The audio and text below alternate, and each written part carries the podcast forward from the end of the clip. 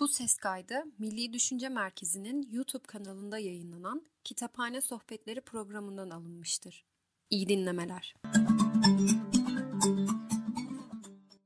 Merhaba. Bugün sizlerle yine çok keyifli bir sohbete kaldığımız yerden devam edeceğiz. Geçen programımızda Profesör Doktor Erhan Aydın'ın Bozkır'ın Tanıkları Eski Türkçe Yazıtlar kitabını inceliyorduk ve ilk bölümünü tamamlamıştık. Bugün de son bölümünü tamamlayacağız. Bengü Taşlar bugüne dair bize ne anlatıyor? Neden Bengü Taşlar bizim için Türk dili açısından, Türk dilinin tarihi açısından önemini bir kenara koyarsak, sosyolojik ve kültürel olarak bugün niçin önemli? Bugüne dair bize ne anlatıyor? Aslında ben sosyolog arkadaşlarıma her zaman söylüyordum. Önceki çalıştığım üniversitede. Diyordum ki bu metinleri siz bir sosyolog gözüyle bakın. Çünkü Türklerin bugünkü ahvalini aynısını o dönemde de göreceksiniz. Hiçbir fark görmezseniz. Sonra ya işte biz bu metinleri anlamıyoruz işte dili bilmek lazım falan. Ya Türkiye Türkçesiyle haline bakın falan. Tabii çalışanlar var, sosyolog anlamda çalışanlar var. Fakat bizim bu metinlerimizde o günün tarihten hani ders almak,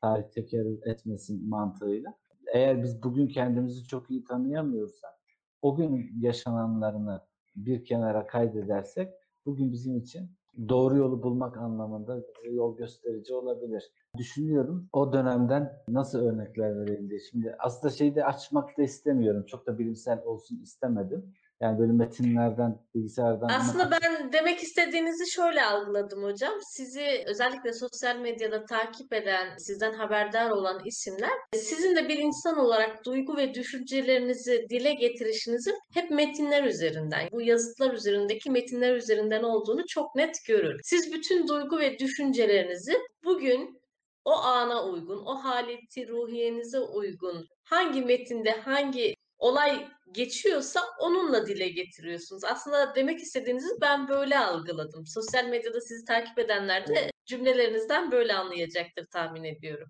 Şimdi dediğinizi daha iyi anladım. Onu ben bazen bilerek yapıyorum. Bazen gayri ihtiyari ortaya çıkıyor. Bilerek yaptığım da çoktur ama. Özellikle ülkemizin bu güzel insanların bu zor günlerinde tarihte de buna benzer şeyler yaşandığını göstermek istedim her zaman söylüyoruz. Devletin yöneticileri her şeyi bilmeyebilir. Bilmemeli zaten. Her şeyi biliyorsa zaten bir tuhaf olur. Her şeyi bilmemesi gerekir. Ama yanında bilen danışmanlar olması gerekir. Bilen kişilerin olması gerekir. Bu tarihte de böyleydi. Bugün de böyle olması gerekir. Onu bilerek yapıyorum bazen. Tarihten örnekler veriyorum ama metinlerden böyle gelişi güzel değil. Özellikle tartışılmayacak şeyler. Yani vay efendim burada sözlük içinde neden B'leri V okudunuz? Vay efendim vay burada K niye? O tartışmaya boğulmasın istiyorum. Gerek yok. Onlar çok gereksiz tartışmalar. Çok ayrıntı onlar. Onlar vatandaşı ilgilendirmez. Vatandaşı ilgilendirecek şeyler tarihte yaşanmış şeylerin benzerine bugün eğer önceden fark edebilirsek engelleyebilmek. Yoksa aynısını bir kez daha yaşamış olacağız. O zaman da tarihten ders almaktan ben aslında şunu da aklıma gelmişken söyleyeyim. Ben böyle irticayla konuşuyorum. Aslında bazen diyorum neler konuşmak istediğim bir not alsam diyorum. Sonra diyorum aman ona kim metne bakacak şimdi boş ver diyorum. Sonra da insan unutuyor. Ama aklımdayken şunu söyleyeyim. Bizde bu yazıtlar iyi anlaşıldı. Ben buna bu alanda çalışan birisi olarak ben inanıyorum. Bu yazıtlar iyi anlaşılmalı. Bu yazıtlar siyasete kurban edildi. Fikri kurban edildi. Yani ideolojiye kurban edildi. İdeolojiye kurban edildi. Bir taraftan Türkçüler çok aşırı yücelttiler, üstlere çıkardılar. Öte taraftan Türk olmayanlar ki zaten Türklükten nefret edenler Türk olmayanlardır. Bir adam Türkse neden nefret etsin ki? Yani eşyan tabiatına aykırı. Böyle olmaz zaten. Bir insan Türkse Türk olduğundan gurur duyar, sever yani. Kim aksini düşünür ki bunu? Türk düşmanı olup da bu meslek içerisinde dahli olanların da ellerinden geldiğince vay efendim Roma şöyle daha büyük bir kavimdi, daha büyük bir medeniyetti. Vay işte İskenderiye'ye bak da vay efendim Mısır'a git işte yok Tebe bak yok Luxor'a bak da işte bilmem milattan önce 3000 sene 3000'li yıllarda bile büyük tapınaklar, büyük piramitler yaptırmış. E bizim neyimiz var falan filan. Buradan dem vuranlar da var. E şimdi bir Nil coğrafyasına bakıyorsunuz. Ben Mısır coğrafyasını da çok iyi biliyorum bir Nil coğrafyasına bakıyorsunuz. Yani neredeyse bütün peygamberler oraya gelmiş. Rica ederim yani o kadar da büyük medeniyete sahip olsunlar. Yahu bütün peygamberler oraya gelmiş ve bunları adam etmeye çalışmışlar ve bence hala olamamışlar.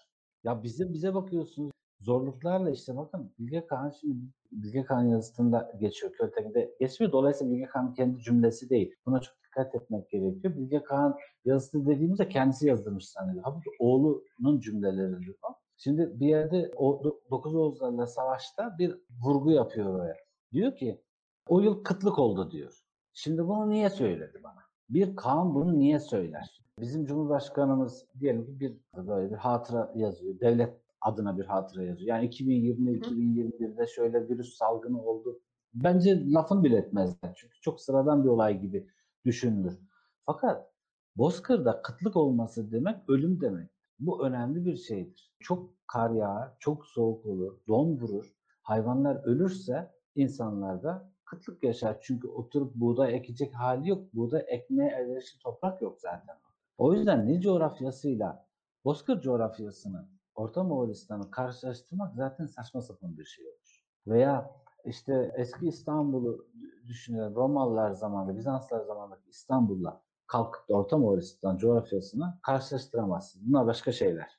Böyle bir karşılaştırma olmaz yani. Bö- Böyle bir şey yapamazsınız. O yüzden bizim bu metinler hep güme gitti denir ya. Bu ideolojinin arasında gezip durur. Tarihçiler bir metni aldı, o metinden hareket etti. 1950'lerin 60'ların tarihçileri doğal olarak Orkun'a bakmak zorundaydı. 70'ten sonra Ergin'in kitabı çıktı. Ergin'in rahmetlinin kitabına bakmak zorundalardı. Bizim tarihçiler de bir şeyi alıp onu oradan artık yüceltmeye başladılar. Bu da doğru değil. E sonra Türklükten nefret edenler bu metinler üzerinde çalışmaya başlayınca vay efendim çok yüceltiyorsunuz, çok büyütüyorsunuz, şudur budur. Ama siz dengeyi kurmuyorsunuz. Metinleri siz sözcüksel olarak anlasanız neye yarar? Yani oradaki ek şudur budur. Bizim dilciler ancak bununla uğraşır. Tonyuk yazısıyla ilgili işte iyilik ekleri kaç tane var? Sıfat fiil ekleri kaç tane var? E, yani bunlar olmasa dili kuramazsınız, cümle kuramazsınız. Bunlar olacak tabii ki. Öznesi de olacak, yüklemi de olacak. Bunun neyini yazıyorsunuz? Ben bunu da anlamış değilim. Tonyuk acaba ben 38 tane iyilik eki yok yok dur 39 yapayım mı dedi. Bence bununla uğraşmadı veya siz bir cümle kurarken diyor musunuz ben kaç tane iyilik eki kullandım? Hocam lisanstayken en büyük sıkıntım buydu. Bir ders alıyordum.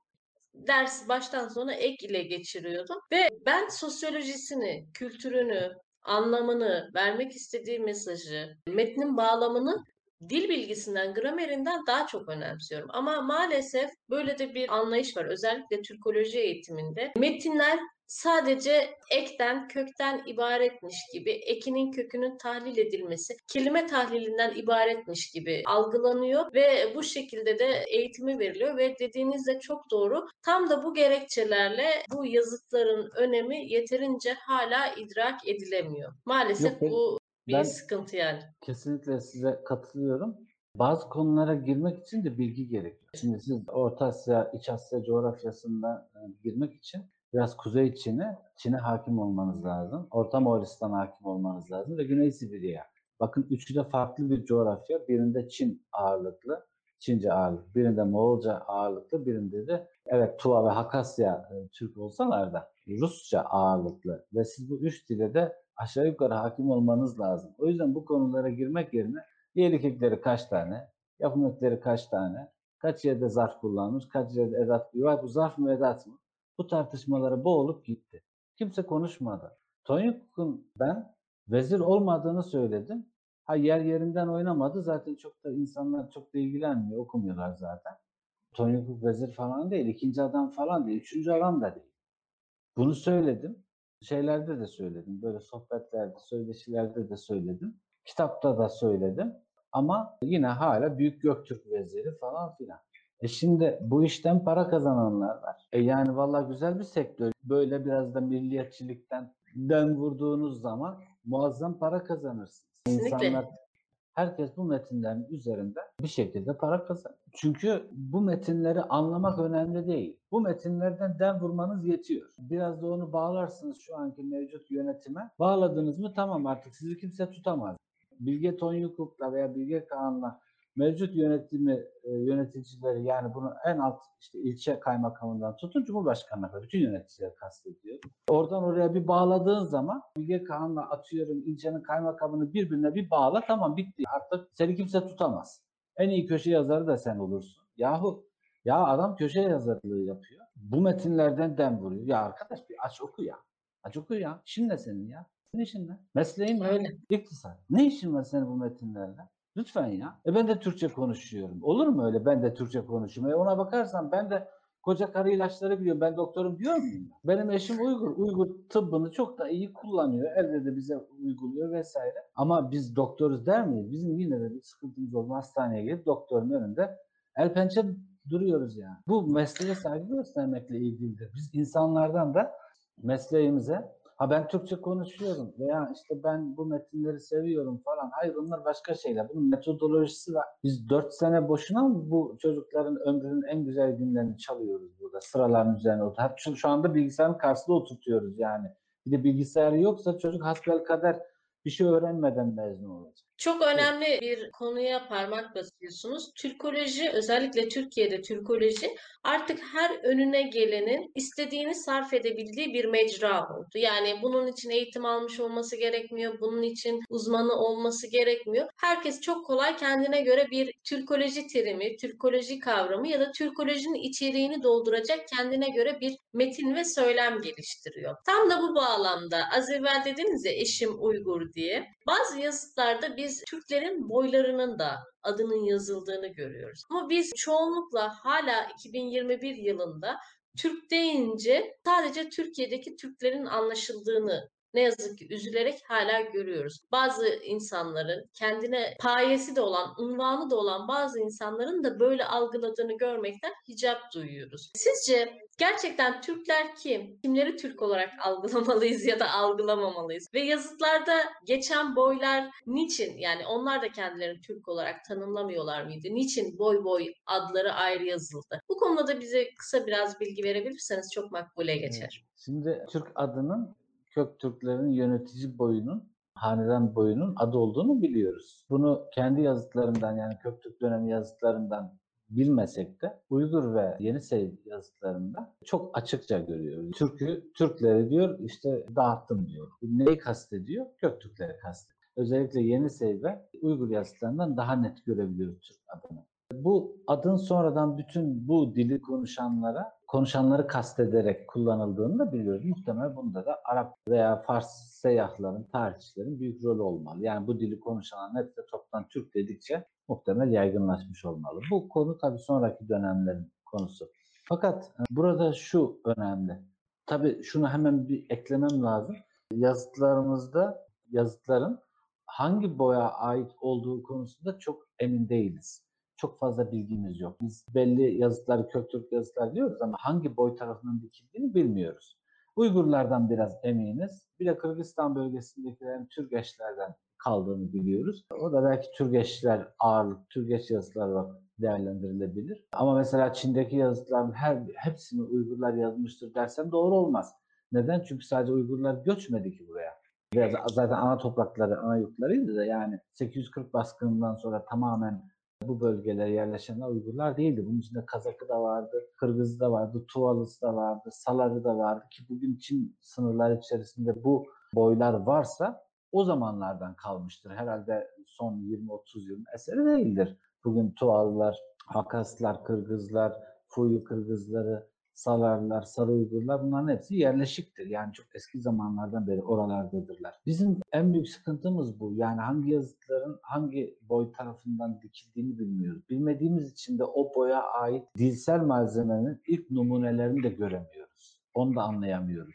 Ama tüm bunların her biri birer Türk lehçesidir şivesidir. Bu tartışmalara girilebilir, girilmeyebilir. Çok da önemli değildir bana göre. Birbirinden ayrıdır, birbirinden ayrı mıdır? Yani işte Latince'nin kolları vardır, işte Fransızca vardır, Almanca vardır, İngilizce vardır. Bunlar nasıl birbirinden ayrıysa Kazakça da ayrıdır, Kırgızca da ayrı. Ya ne alakası var ya? Aynı şey mi? O aynı şey mi? Yani İngilizce ile Fransızca arasındaki ilişki kadar aynı mıdır yani? Biz bir kere şunu çok iyi anlamamız lazım. Sosyal bilimler sosyal bilimler öyle he deyince, ha deyince sonuca ulaşamayacağım bir bilim alanıdır. Clausen diyor ki 8. yüzyılda Sir Gerard Clausen 8. yüzyılda bir bakıyorsunuz boyları çok iyi anlayabiliyorsunuz diyor. Bir bakıyorsunuz ki sonraki metinlerde o boy başka bir boya atfedilmiş olarak karşınıza çıkıyor ve kafanız karışmaya başlıyor.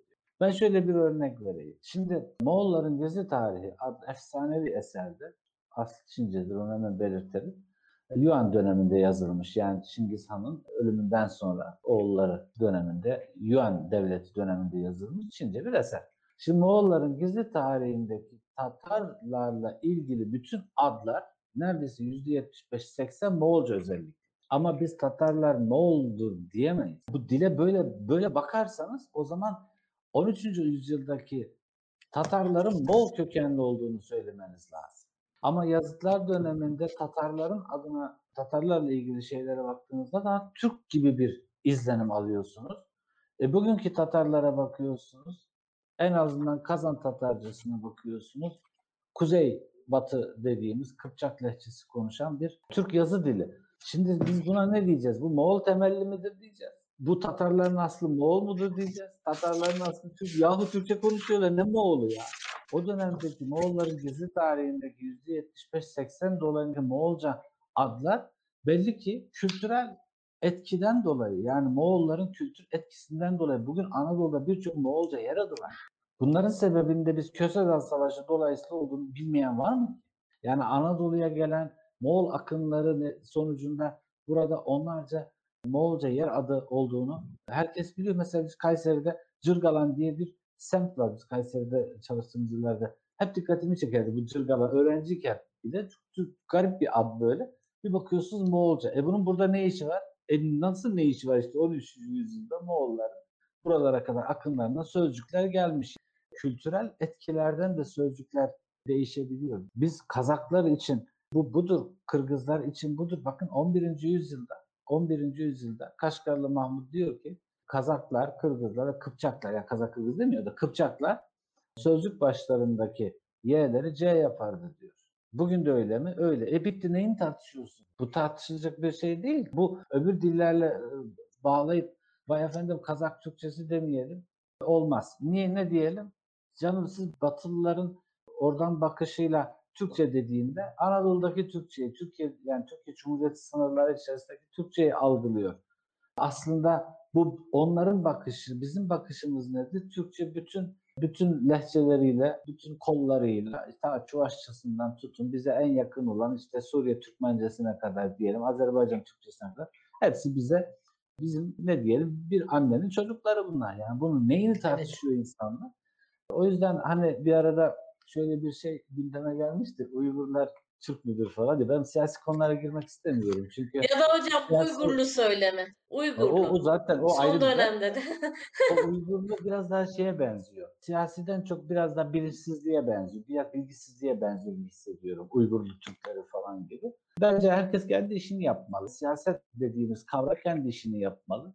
Dilcilere bırakmalılar bu işe. Bir Uygur, ben keldim, biz Türkiye'de ben geldim diyorsak ikisi de aynı kökenden geliyor. Yani bunu ben söylemiyorum. Bunu dil bilimciler söylüyor. Yani bunu ta Ferdinand Saussure'den, Chomsky'ler vesaire bunların söylemleridir. Bizim söylemlerimiz değil. Hocam yavaş yavaş programımızın sonuna doğru gelirken son iki aslında yorumla ilgili yorum yaparak son sorumu sormak istiyorum. Biz Moğolistan'da 21 yazıttan bahsettik. Genel olarak böyle Türkçe ile ilgili bilgisi olan ya da en azından Türk, Türk Dili ve Edebiyatı dersi almış olan herhangi biri için yazıt dediğimiz zaman işte Bugut yazıtı, Költigin, Bilge Tonyukuk, Bilge Kağan yazıtı, Şine Usu, Küliçor ve Karabalgasun yazıtları ilk akla gelir. Diğerlerini çok fazla bilmeyiz. Ama bir de Yenisey yazıtlarından Elegest bir yazıtı var. Bu Elegest bir yazıtı Türkiye'de Kürt etnonimi açısından çokça konu edilen bir yazıt. Orada geçen Körtle sözcüğünden dolayı. Bize biraz bu yazıttan bahsedebilir misiniz? Körtle yani Elegest bir yazıtı, Yenisey'de bulunan Elegest bir yazıtı tam olarak neyi ifade ediyor ya da biz burada neyi yanlış biliyoruz? Şimdi az önce söylediğim gibi siyaset mekanizması eğer dille ilgili, tarihle ilgili hüküm verecekse lütfen aklı başında bilim kurulları ama aklı başında oraya bir aklı başında ekleyeceğim. Sadece bilim kurulu kurmak yetmez. Dille ilgili, tarihle ilgili bilen insanlara danışması gerekir.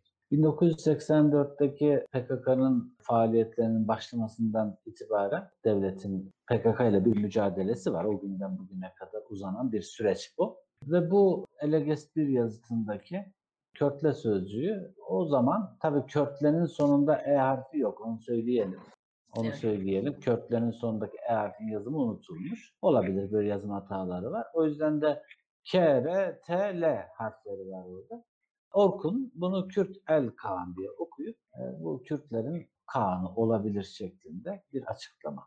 Şimdi ardından tabii 1980'den sonra işte malum yeni anayasa vesaire Oradan sonra ve dediğim gibi az önce dediğim gibi PKK'nın kurulmasından o Eruh baskınından sonra PKK ile Kürtleri birbirinden ayırt etmek için devletin bir politikası vardı. Ve Kürtlerin bir Türk boyu olabileceğine dair kitaplar yazdırıldı. Ve bir Türk boyu Kürtler diye kitaplar çıktı ortaya. Şimdi zaten Kürtçe zaten Türkçe ile bir ilgisi yok. Bir kere dilsel olarak ilgisi yok. Yani çok başka başka şeyler bunlar. Dolayısıyla Kürtlerin Asya'da yaşamış olması, Anadolu'da yaşamış olması bunun da bu yazıtla ilgisi yok. O Orkun'un bir önerisiydi ve ondan sonra bunu yaygınlaştırıp da Kürtler Türk boyudur demenin de bir anlamı yok. İşte bunu demeye çalışıyorum. Bu kısmı yanlış oldu. Bir Evet. yanlış okumadan koca bir milleti bir millete mal etmenin de bir anlamı yok. Zaten dilsel olarak zaten hiç ilgisi yok Türkçeyle. Kürtçenin hiçbir ilgisi yok. Sadece tarihsel bir bağlantısı var. Anadolu'daki işte ortak bir Arapça, Farsça, Türkçe ekseninde Kürtçe'de de tabii bu dillerden sözcükler çok sayıda var. Bu da normal. Bu işin siyasi kısmı ama tekrar söylemem lazım. Ne olursa olsun siyaset kavramı, siyaset mekanizması her şeyi bilmemeli. Yani mutlaka bilen kişilere sormalı. Oraya atadığı dil ve tarihle ilgili kurumların başındaki kişilerle de bu iş olmama, olmaz. Daha bilen bu işlerin uzmanlarına sormalı ve bunlardan belki bir heyet oluşturup işin altında bir bilimsel taraf yoksa bence bu işlere de girmemeli devlet. Yani başka bir milleti başka bir millete dönüştürmenin de bir anlamı yok. Komik oluyor bana göre. Ee, Eleges bir yazıtı aslında dört yazıtı toplamda. Eleges 1, 2, 3, 4. Eleges 4 yazısında Körtle sözcüğü daha net yazılmış. Eleges 1'de Körtle'deki E yazılmadığı için KRTL harflerinden Kürt el gibi de okunabilir. Ama dediğim gibi yani hiç alakası yok. Kürtlerin o dönemde bir yurdunun İç Asya'da olması, onların bir liderinin olması vesaire bunlar çok anlamlı şeyler değil, bilimle örtüşmeyen şeyler. Gene dediğim gibi bakın Gülcan başta ne konuştuk? Dedim ki bizim bu metinler ideolojiye kurban gibi. Bunu bir kez Evet. daha söyleyeyim. Yani bir taraftan ben öyle insanlar gördüm, öyle insanlar tanıdım. 95'te başladım. 26. yılım mesleki olarak yani öğrenciliği saymıyorum. Öyle insanlar tanıdım ki duruma göre hareket edip bazen dinci olup böyle dinden dem vurup yine bu metinler üzerinden imkanlar elde eden insanlar biliyorum. Kimisi duruma göre daha milliyetçi bir yönetim varsa veya daha sosyal demokrat bir yönetim varsa tamamen ve bu kalem gibi kılıftan kılıfa, şekilden şekile giren insanlar gördüm. Ve bu metinler üzere bakın bu metinleri hissetmeden yapmayın. Bu metinleri hissetmeden yapmayın. Yani bizim atalarımızı böyle basit mağara adamları, ilkel adamlar böyle bir şey yok. Böyle bir şey yok. Bir kere bir adam, bir adam 8. yüzyılda şöyle bir cümle kuramaz. Yukarıda gök çökmedikçe, aşağıda yer delinmedikçe senin törelerini kimse bozamaz. Bu cümleyi kimse kuramaz. Bu çok bilgili bir adamın, yerin göğün anlamını bilen bir adamın, yani yerde ne var, gökyüzünde ne var, ikisinin arasında insanoğlu yaratılmış diyen bir adamın felsefesini bilmeden okumaya kalkmayın. Bu öyle birkaç tane isimden isim yapma eki, iyilik eki vesairenin bütünü değil.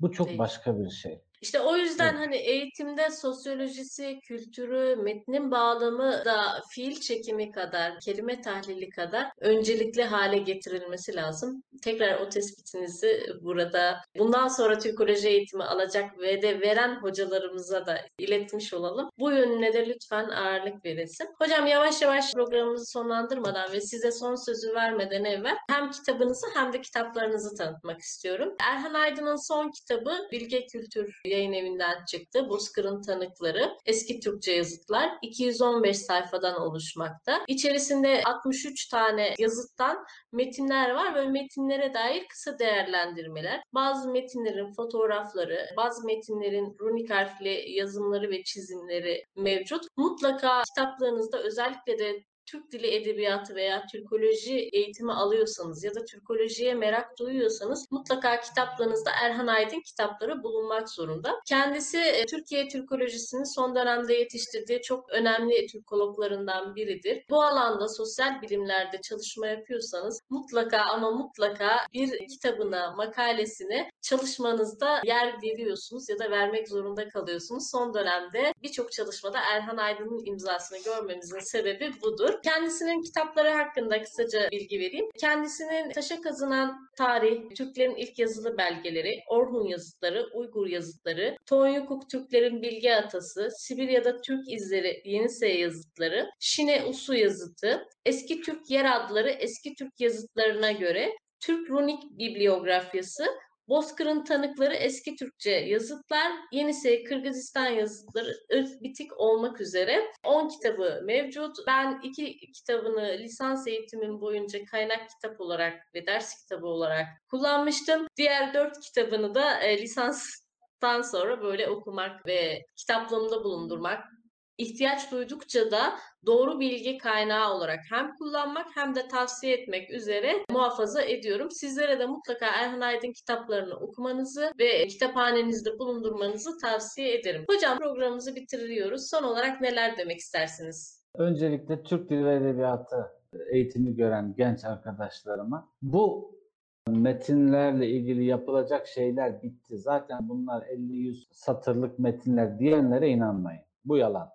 Böyle bir şey yok. Daha evet tabii yayınlanmamış metin belki var ama bunlar üzerinde daha yapılacak çok şey olduğunu söyleyelim.